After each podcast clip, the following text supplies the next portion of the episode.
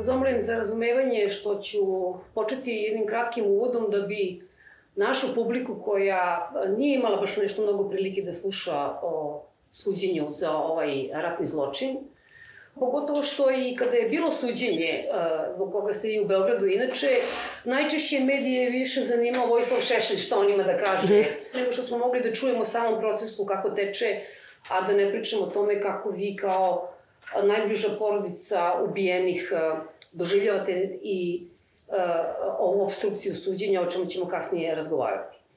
Dakle, kada je pala Srebrenica, jedan e, veliki broj e, muškaraca, dečaka, staraca, je pokušao da se probije do Tuzle, na teritoriju pod kontrolom armije Bosne i Hercegovine. Jedan broj njih je morao da se predaje, su bili opkoljeni i po tvrdnji jednog od svedoka koji je svedočio pred Haškim sudom, čak i se obratio Ratko Mladić, tvrdeći da će oni biti razmenjeni za zarobljenike. Naravno, da se to nije desilo, odnosno, nažalost, to se nije desilo, nego su ljudi završili u tom hangaru zemljeradničke zadnje u Kravici i u nekoliko sati pobijeno je više od hiljadu ljudi. Ova optužnica koja je na snazi o 1313 ubijenih muškaraca.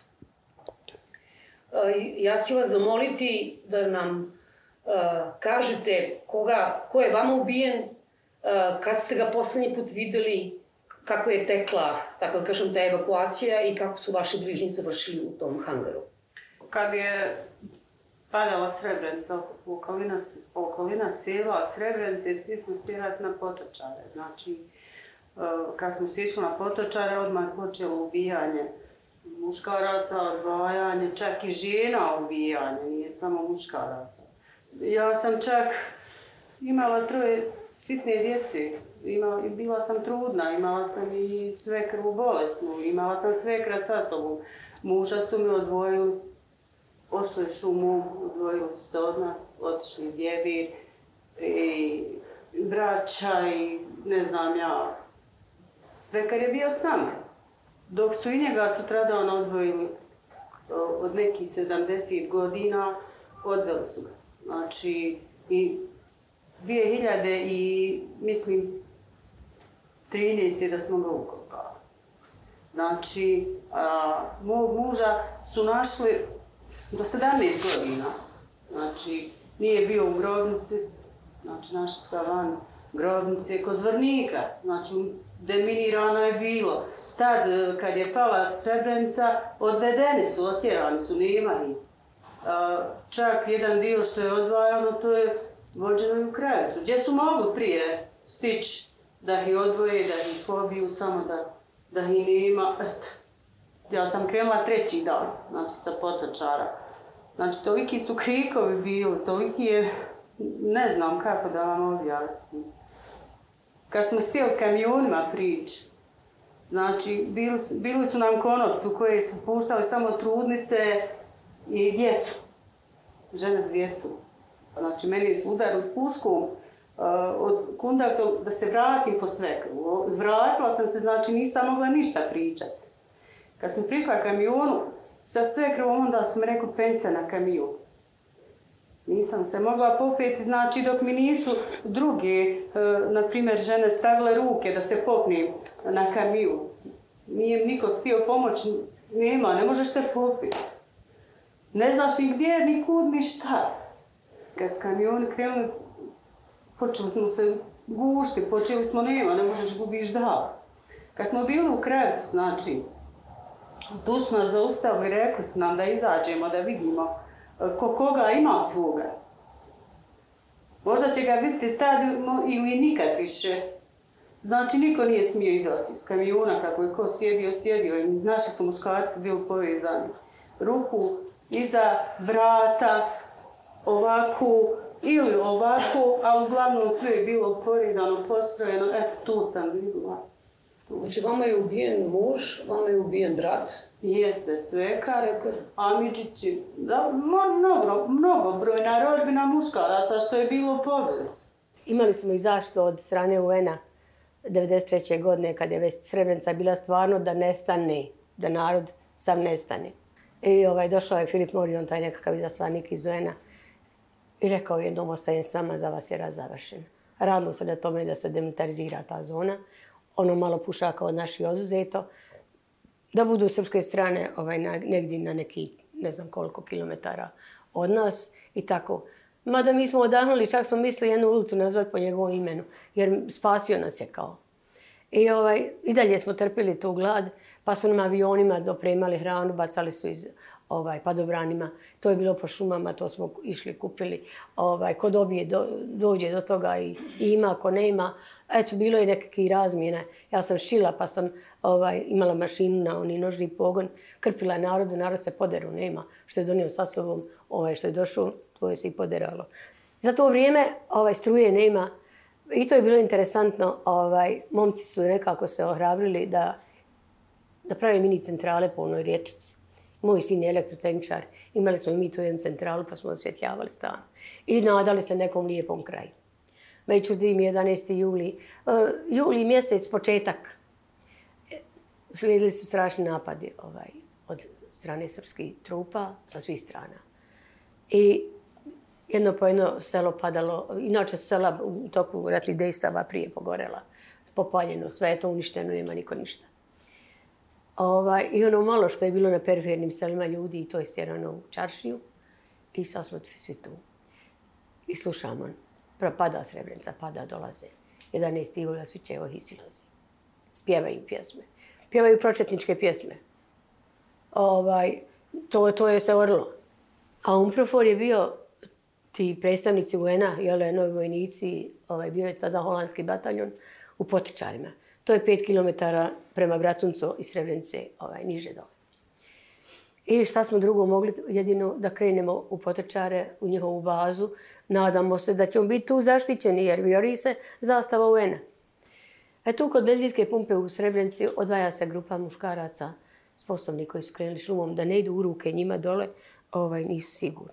Tako i moj sin otišao, jedan brat Mustafa, koji je ubijen u, ovaj, u tome hangaru poljoprivredni alatki u, u Kravici.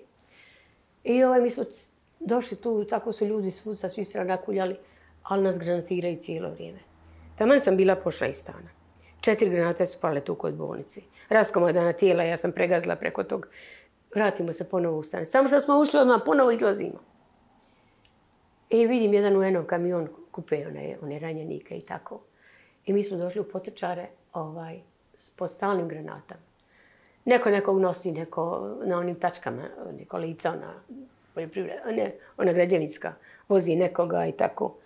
Ovaj, narod je došao tu, stisli smo se ko, kopiliću u onoj, kad se izlegu tamo.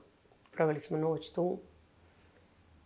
Sutradan, 90 sati, kaže, ulazi Ratko Mladić sa trupama, ovaj, idu oni prevodioci što ovaj, na megafonima govore narodu, nemojte, se, nemojte pančiti, samo red neke evidencije oni će da prođu. Mi smo još vjerovali da smo pod zaštom, da nam se neće desiti ono što, što, što smo zaista kasnije doživjeli. Međutim, ovaj, došli su kod mog brata Ekrema i zovu ga, dvojica, trojica tamo stoji. Gledam Milicava Gavrića, to je naš jedan policajac bio, milicioner prijašnji. Rekao, znaju se oni pa ga poznao, hoće da ga popriča. Moj Ekrem bio geodetski inženjer, to u Čarši, da svi ga znaju. Ode moj Ekrem, vrat da uzme jaknu, ponio jaknu, ovaj, uze jaknu, rekao, Ekrem, gdje ćeš ne pitaj. I ode moj Ekrem i nije se ni vratio. Ovaj, domalo, nekako sam bila blizu kad je mladić ušao, ovaj, pojaviše se kamere nekakve, bacaju hljeb, čokoladice djeci.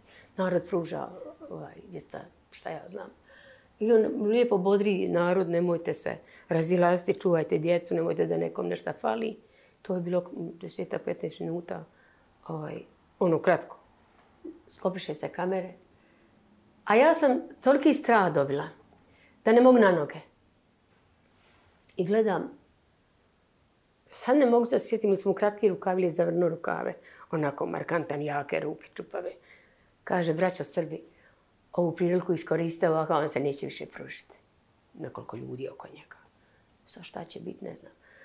Neki su ljudi pošli unutra u zgradu Guena, međutim i oni su izbacivali narod iznutra, nismo, nismo mogli proći, stavili neku žicu.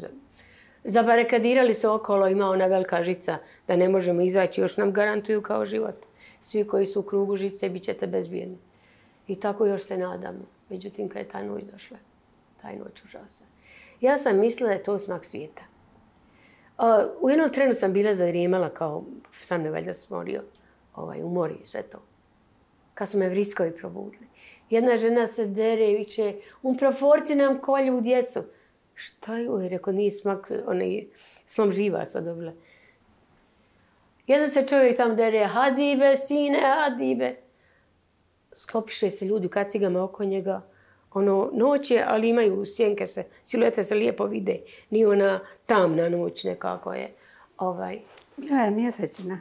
E, kad, nešto sam se, koliko malo zakrklja, ako nešto smir se, čovjek ne zove nikoga. Surica su izveli. Noge se nisu vratile nikako. Vrište je matere za njima. Ali ništa. Aj, noć je užasa bila. Jutro je cik zore. Idemo mi tamo je cesta, gura se narod. To je sve jedno na drugom. Dvije žene nose čovjeka u deci. Deki ovako. Ona ima jedva diše. Kada puste ga, ali on kada ne može hodat, ja se kad pobri za njega. Uze pištolj i vakraj moju nogu. Čovjek u glavu. Tak. Nije odjeknulo onaj pucanje. Nije mi jasno. Ostaviš one, idu dalje. Guraju se kroz onaj narod. Neki kamioni, neki autobusi, to se puni. Ušla sam tu sa snahom, sa tom ekremovom ženom i dvije te curice i ušli unutra i šutim. A mog sada i sedemo išao s nama stalno. Ekrema se odveli već kao juče. On mene dvako drži za rame. I sve me ovako stišće. Da li me tješi, da li ne znam, ja i sebe tješi. Kad smo došli tu, jedan s puškom i ovako njemu stavi pušku za vrati, odvede ga tamo.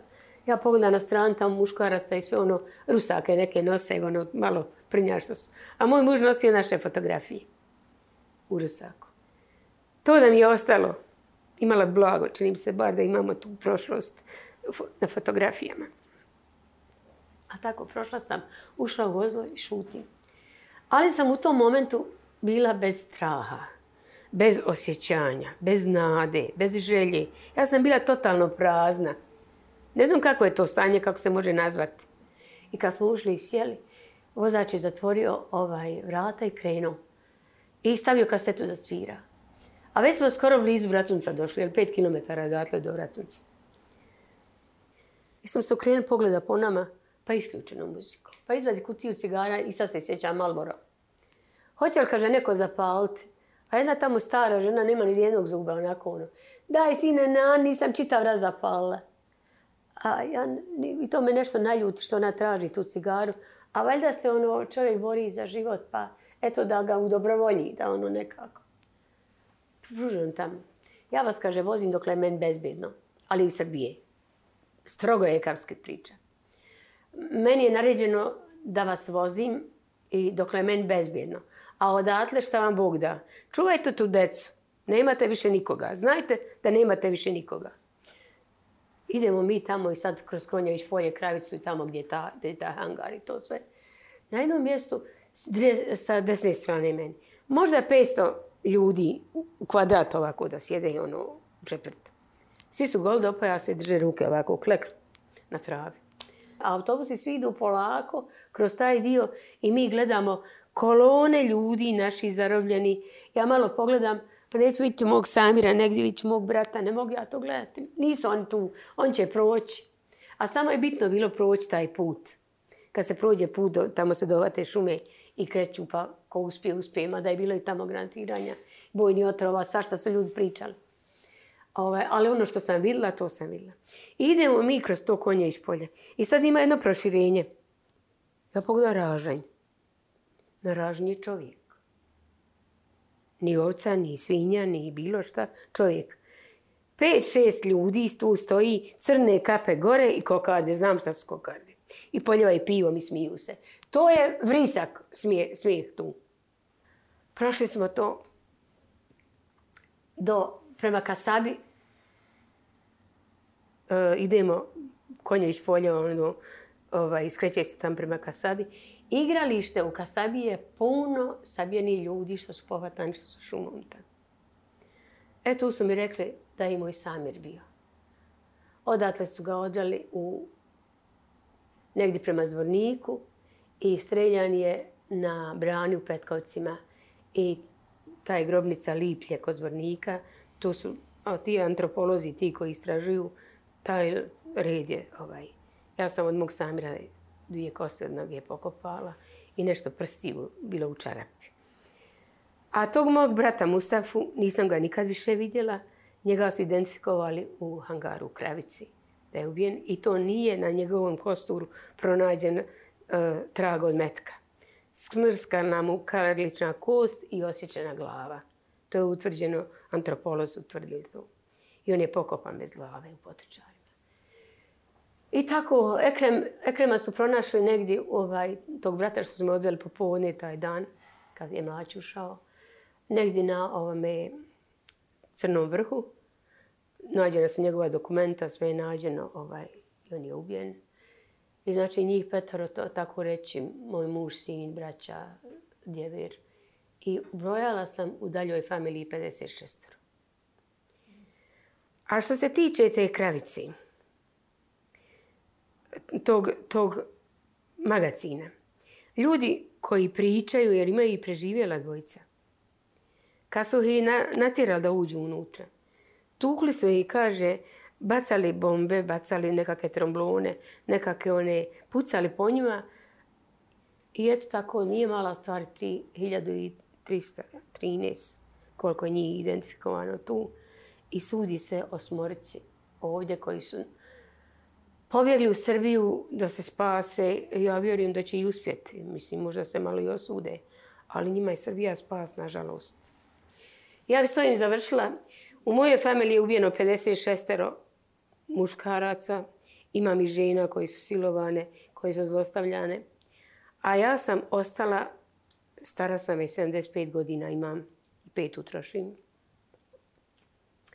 Nisam se odlučila da plačem, da tugujem i nek me niko ne žali. Ja imam svoj bol i patnju koju ja nosim, a treba žaliti one koji su zlo počinili. Njima nema lijeka. A normalan narod da ozdravi, da živi i da živimo ko ljudi. Ljudska smo bića. Da uključimo razum, a ne nešto drugo.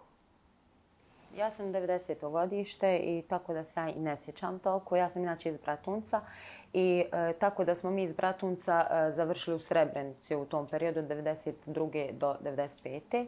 Živjeli smo tu u jednom stanu, mama, otac, Rahmetli, e, Amidža, djed, e, Amidžina žena i djeca.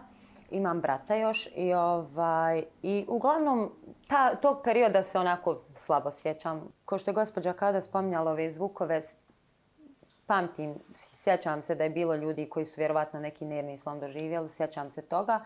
I onda smo mi u suštini, djed je s nama bio, međutim njega su potičarima odvojili, kao muškarci idu na drugu stranu, e, tako da smo samo mama, ja i ovaj brat prešli, do duše i tetka nam je bila s nama, a otac Rahmetli je otišao preko šume i on je isto tako ubijen u kravici i nađen je u zelenom jadru.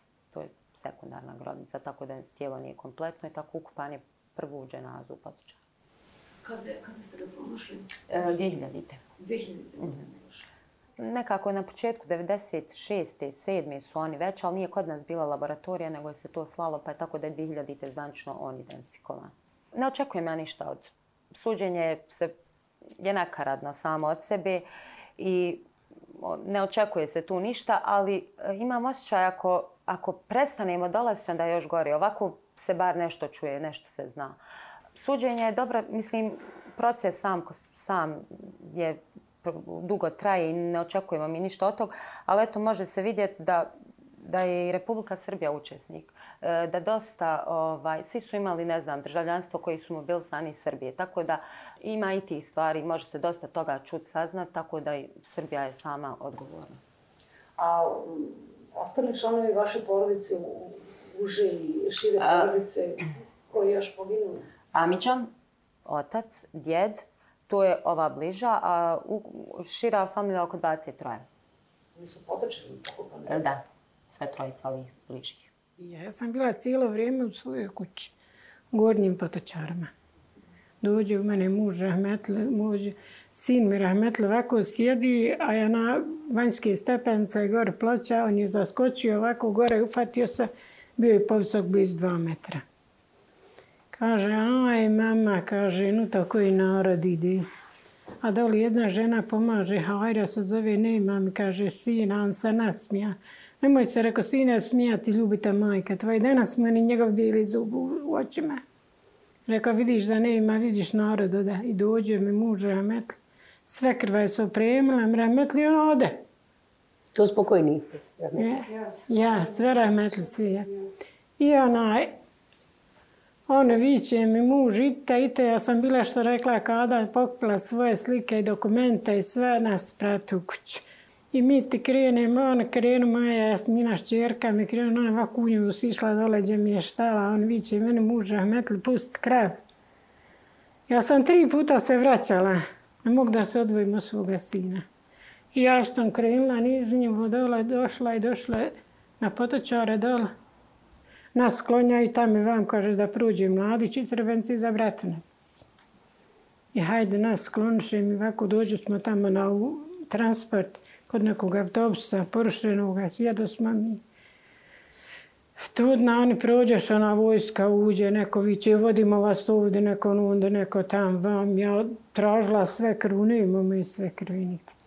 I ona, ja kažem jednom onom vojniku, nima ovdje ako redenike, ovako njega ufat za rame. Preko gdje ćete vi naske?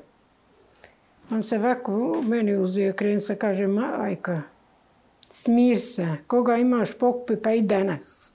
Sve ti je bolje, nemoj ostati večeras. I pobježe od mene, ode. Ja sam sišla, on su nas načerali da mi posjedamo. Tad je dijeli sa kamiona hljeb, Mladić je gore bio. Iza Mladića je stao, što je bio generalni direktor Cinkar Ilija Brko, neki Srbenci.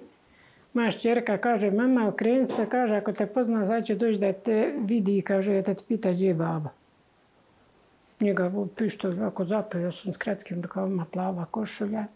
Štiti je njega iza leđa. Nas načarali mi posjedala, uzjehali konje i goni preko nas konje. Mitralje je zapucao. Mladić čini neuzubila, kaže, Boga vam ljubim, šta to šenlučite, ima vremena, kad ćete, kaže, šenlučite. Stata Mića daju hljeb. Kaže, mene, hod, maj hljeb, reko neću. Da nisam glavna. I da sam glavna, nek umrem, ja neću uzeti. I on kad su izbile dole tri autobusa izbiši, mi smo skočila i raskinjujemo njima ruke i proletimo i u autobus drugi po redu. Ja sam ušla u autobus. Jedan se već napuni, drugi u treći sjedište ovako.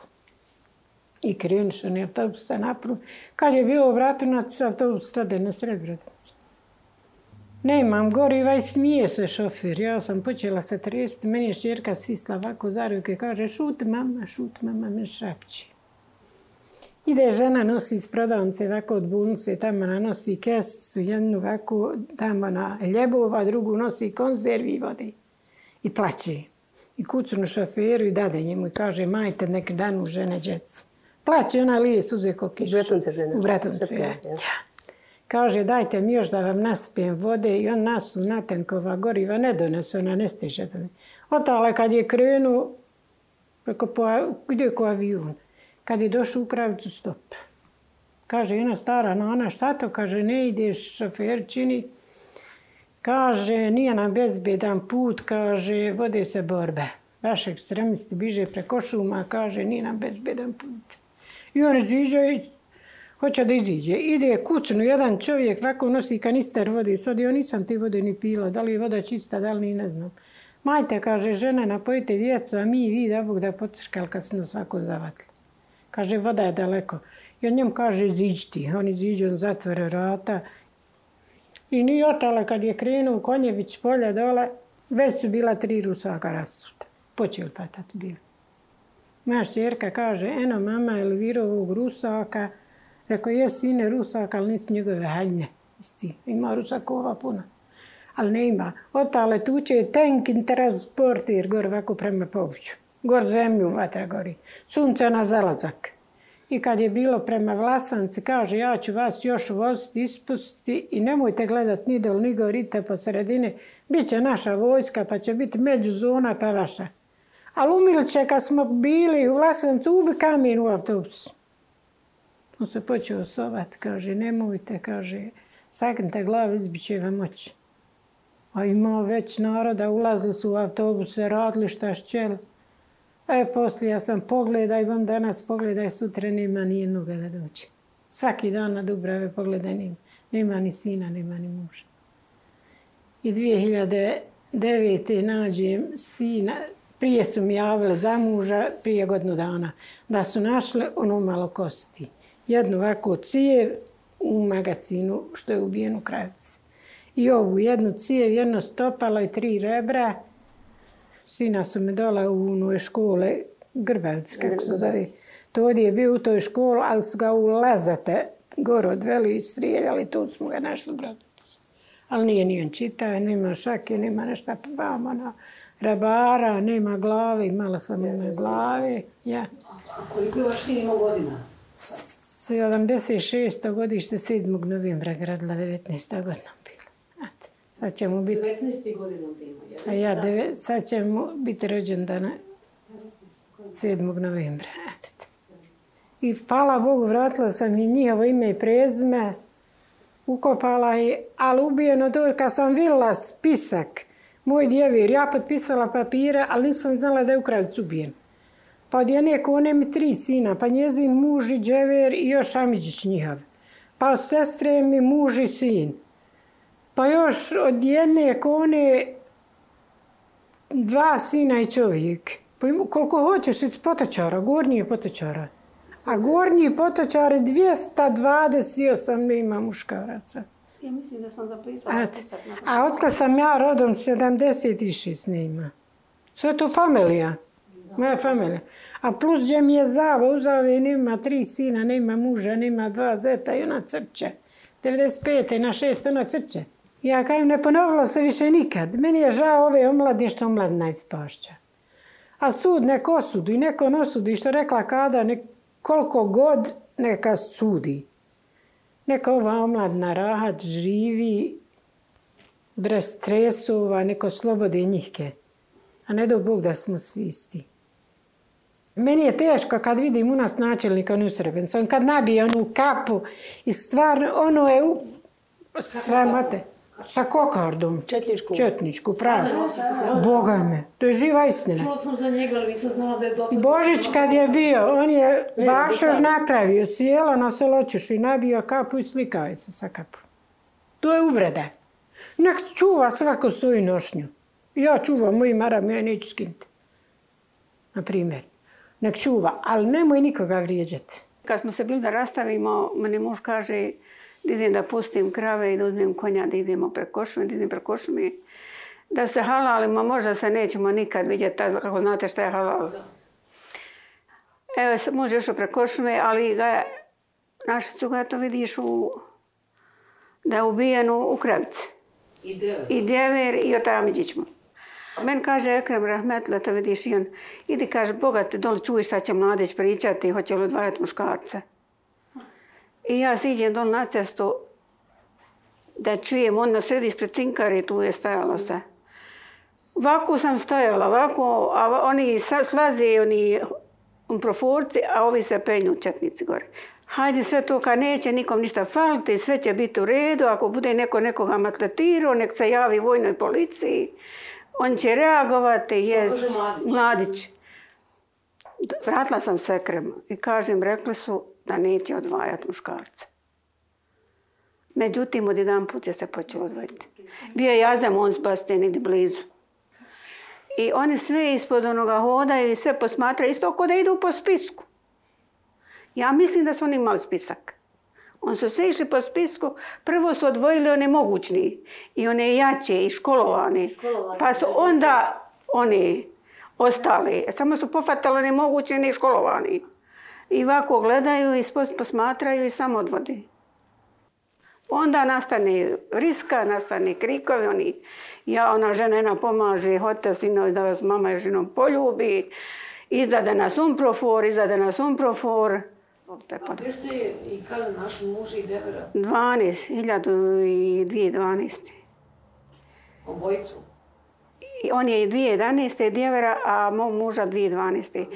Našli na Oglogovoj u jednoj grobnici pola moga muža, a pola na zalaze ili u Jadru, sad te ne mogu tačno reći. Jedne godine našli pola, pa druge godine pola.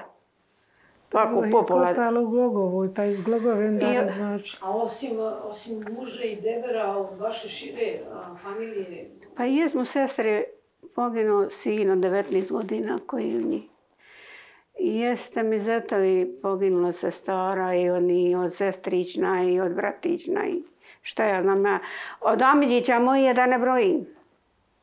Moji, od moga mi oca, bratići i od bratiće djeca i, ma bilo je preko 30, da ne brojim ono ostalo. I šta ja znam, ne znam, ne znam šta je više da vam kažem, ja lijekove trošim. Ne mogla ovo pričati, nisam popila trus. Lijekove, pijem kako sam, to desilo se. Jer ne mogla ispričati ništa. I kad sam pošla, sad samo da ispričam u autobus. Kad sam ušla, pošla u autobusu, upanim u autobus, ali je vraga kad smo pošli prema Bratuncu, onda su kamenjem u Bratuncu gađale. A od Bratunca do Konjević polja sve sam putem vidjela gdje su odvojeni. Po njivama u jednoj njih bilo je sigurno 500. Čuči i vaku, evaku drži. A pored autobusa su poredali to koga sam poznala, Hankinu zeta iz potečara, Aziza. Mm. Pored ovako autobusa je prošao. Čekajte, u Bratuncu su vas kamenovali? Pa ja i kamenovali, što nismo shvatili. Vrelom vodu sa zgrada su prosipali na narod. Sva šta radili, što su govorili. Ja, otvoreni kamion. Otvoreni kamioni, ti se boriš da ideš, nije bitno kako ćeš ti doprijeti. Samo da izađeš. Vrela voda, kamenje, oni djecu. Kad smo pošli da idemo, na primjer u Bratuncu skupe gomilu kamenja, policajci stoje, one djeca razgađaju i kamenje, zubiše u autobuse. I da kažem ovo, to normalno, nije. Znači. Kad smo krenuli iz Bratunca, sve su ležali po travi, krajem puta, po trojica, po dvojica, naoružan do zuba, a tako maskirane. I zastave autobus i ulazi u autobus. Dajte pare zlato. Ili će osjeći dojke. Tačno. I mene su tada iztirali, daj zlato, nema, otkud mi zlato, daj pare, otkud mi pare? Osjećamo vam dojke, osjećamo vam ovo, osjećamo. Ušao maskiran, dvojica, naoružan do zuba, ama nemam, evo, tražite, nemam. Izlazi. Ja sam bila do, na zadnjem sjedištu, tam do zadnje. Iziđem i kad je vidio više da nema ništa, ni meni nogom. Ja sam u autobus. Pričala sam, čini, ali nisam sve ono... Uh, Ivana, Mislim da bi iz početak morali nekako da probamo da objasnimo kako je moguće da sada praktično četvrt veka posle masakra u Kravici, odnosno genocida u Srebrenici, ni blizu nije kraju suđenje e, ove osmorici ljudi koji su pred sudom ovdje u Beogradu optuženi za taj masakr i molim te da nam objasniš e, da li ima obstrukcije i ono što nas posebno zanima naravno jeste da li ima obstrukcije sistemske po mišljenju tebe i tvojih kolega od strane države, odnosno njenih institucija kao što je tužilaštvo ili kao što je sud. Optužnica za, za, za ubistva, odnosno streljenja u Kravici, je podignuta tek 2016. godine, dakle 21 godinu nakon tog zločina. Optužnica je podignuta u januaru 2016. godine, ali je glavni pretres počeo tek u decembru iste, iste godine. I nama je već odmah tada na početku bilo jasno da taj postupak a, neće teći onako kako bi trebao da teče. Gotovo polovina glavnih pretresa koje su zakazani a, u toku jedne godine E, se odlaže. Tako da e, e, obstrukcija je evidentna. Zbog čega? To pitanje je pre svega po mom mišljenju političko pitanje, odnosno državni narativ da u Srebrenici nije počinjen genocid, već da je to bio, slušali smo i od premijerke i od mnogih drugih zvaničnika u Srbiji, da je to zločin, da je to strašan zločin, da je to veliki zločin, da je to masakr, ali ta, pod znacima navoda, strašna reč genocid nikada nije izgovorena u javnom prostoru od strane zvaničnika Srbije. Vi znate da u ovom postupku nije podignuta optužnica za genocid, već za ratni zločin protiv civilnog stanovništva. Čak nije kvalifikovano ni kao zločin protiv čovečnosti, a inače zločin protiv čovečnosti nikada nije procesuiran pred sudom u Srbiji.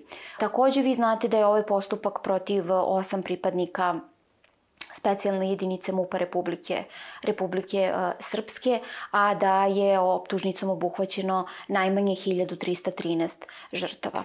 Apsolutno je jasno da sigurno nisu mogla njih trojica da uh, ubiju uh, toliki broj ljudi, dakle optužnica je selektivna. Oni su uh, optužili taj uh, najniži rang, ljude bez uh, čina i trenutno se njima, uh, njima sudi. Ne samo što se odlažu glavni pretresi, e, glavni pretresi e, su odlagani iz e, raznoraznih, po mom mišljenju, vrlo čudnih razloga. Prvo, nije otkriven identitet zaštićenih svedoka ni odbrani, ni sudu, što je direktan propust tužilaštva. Onda su se branioci smenjivali, pa onda smo imali tu obstrukciju da godinu i po dana tužilaštvo za ratne zločine nije imalo ni tužioca za ratne zločine, ni vršioca funkcije policije, a to je direktan propust Zagorke Dolovac, odnosno Republičkog javnog e, tužiloštva, tako da e, sve te e, činjenice kada se skupe na jedno mesto govore o državnoj obstrukciji tog, tog suđenja. Da se optuži ljudi za koje postoji velika verovatnoća da su se ponašali zverski a, i očekivati da će da rade sve da izbjegnu suđenje znači, i za njihovu odbranu. Ono što mislim da treba apostrofirati, eh, ako dozvoliš još malo, a to je pitanje države Srbije. Dakle, eh, Zagorka Dolovac je imenovala 30 vršilaca funkcije, ali tako nešto. Jedino je propustila da imenuje eh, tu, vršilaca funkcije tužarstva za ratne zločine. Mislim, nemoguće da je to slučajno urađeno. Naravno da je nemoguće da je to slučajno urađeno.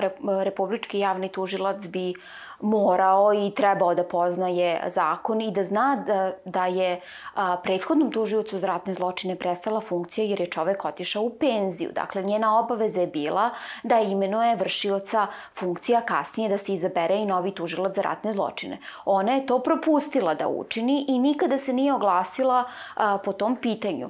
A, I mediji i mi kao Fond za humanitarno pravo smo pokušavali na razne načine da dobijemo odgovor zbog čega je Zagorka Dolovac, da kažem, zaboravila da odredi vršioca funkcije za ratne zločine, nikada nismo dobili, dobili odgovor. Ono što ja stalno govorim jeste da je tačno da ratni zločini ne zastarevaju, međutim, mi moramo da znamo da je ljudski život ograničen godinu i po dana bez vršioca funkcije ili tužilaca za ratne zločine je 25 godina ili 20 godina nakon sukoba ogroman vremenski period. Ja verujem da to jeste odluka Srbije da se ne imenuje tužilac za, uh, za ratne zločine i da je to ta jedna strategija iscrpljivanja, uh, pre svega oštećenih i svedoka, da oni prosto dignu ruke i da kažu nećemo više da dolazimo, nas to više ne zanima, neka rade šta hoće, neka vode tu taj uh, jedan privid postupka, Tako da... A... Zini, da li je neko od svedoka odustao od svedočenja? Bilo je određeno da se ispitaju tri zaštićena svedoka, dvojica su svedočila, treći nije. On uh, je obavestio sud da je on lošeg zdravstvenog stanja, ali takođe i da se boji, odnosno da trpi, da trpi pritiske. Potpuno je jasno da a, tom čoveku se sigurno preti i a, da on nije smeo, a, nije smeo da svedoči. S druge strane, vi ste to lepo primetili a, i ja sam nekoliko puta tome bila svedok da u delu za publiku sedi Vojislav Šešelj a, sa svojom svitom, sa članovima njegove stranke kojim, kojim se ukazuje a, dužna pažnja.